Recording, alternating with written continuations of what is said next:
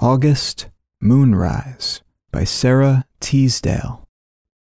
The sun was gone, and the moon was coming over the blue Connecticut hills. The west was rosy, the east was flushed, and over my head the swallows rushed, this way and that, with changeful wills.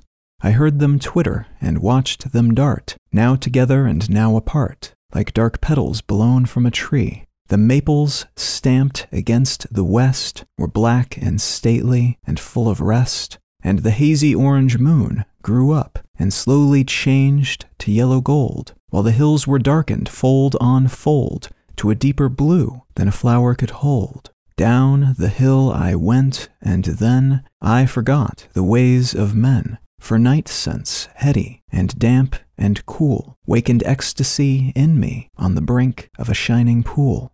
O beauty, out of many a cup, you have made me drunk and wild, ever since I was a child. But when have I been sure as now that no bitterness can bend, and no sorrow wholly bow one who loves you to the end? And though I must give my breath and my laughter all to death, and my eyes through which joy came, and my heart a wavering flame, if all must leave me and go back along a blind and fearful track, so that you can make anew, fusing with intenser fire, something nearer your desire. If my soul must go alone through a cold infinity, or even if it vanish too, beauty, I have worshipped you. Let this single hour atone for the theft of all of me.